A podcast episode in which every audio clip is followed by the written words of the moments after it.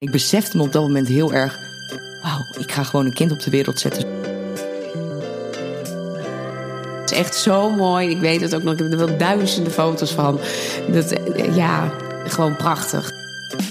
Ik dacht, nou ja, dit is het dus. Ik had op dat moment vooral heel veel zin om samen met Ton naar huis te gaan met z'n tweeën en in de kroeg om de hoek een biertje te drinken en te zeggen, nou, dat hebben we toch maar weer mooi gedaan. I did it. Eh, Ja, dat feedbacken, dat was ook nog zo'n ding. Hè? Dat vaginal birth after circumcision, dat was een ding. Ik heb gefeedbacked. En op het moment dat zij dus eigenlijk eh, aan het kijken was hoeveel, eh, aan het voelen was hoeveel centimeter ontsluiting ik had, zei ze: Oh, ehm, hoe denken jullie over thuis bevallen? Dus ik stond op en daar braken mijn vliezen. Dus echt uit het niets begon het in één keer ook heel echt.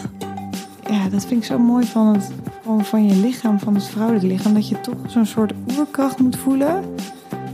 En dat je het dan toch wel kan. Dat, ja, ik vind het echt ongelooflijk. Weet je, dat, dat hele Carice van Houten idee van de gelukkige huisvrouw, van je stopt je kind in een doos of zo, dat is gewoon, dat is echt niet wat het is. Dat, dat is een postnatale psychose. Omdat wij een taxichauffeur voor ons hadden. En die vond het blijkbaar heel vervelend dat wij zo aan het bumper kleven waren. Wat ik begrijp is ook vervelend. Maar er zat nogal wat urgentie achter. ik moest namelijk gaan bevallen van een kind. Nee, ik heb echt genoten. Dus eh, heel veel mensen zeggen: Oh, ik vond de zwangerschap verschrikkelijk. Ik was moe, dit, zus, dat. En ik vond het daarna heftig. Nee, ik heb echt letterlijk, kan ik ook zo zeggen, echt genoten van die hele tijd. Maar daar was ze. En dat was, het, eh, dat was fantastisch. Wat moest ik hard huilen. Ik, ik dacht nog van tevoren, ik denk dat ik een beetje ga huilen. Of zo, maar ik heb gebruld. Ik weet nog goed dat op dat moment er echt een soort oermens in je naar boven komt. Het is heel bijzonder wat dat met je doet. Je hoort het goed, Potnataal is terug.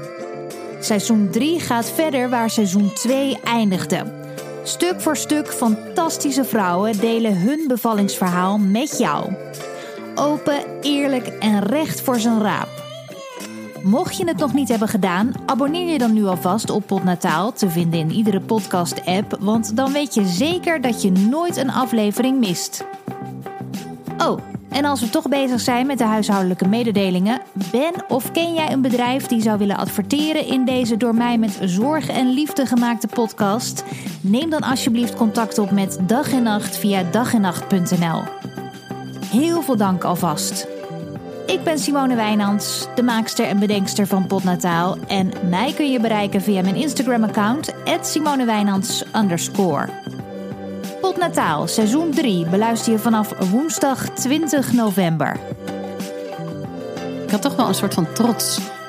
Trots op, mijn, eh, op, op, op mezelf, op mijn lijf, dat het was eh, gelukt.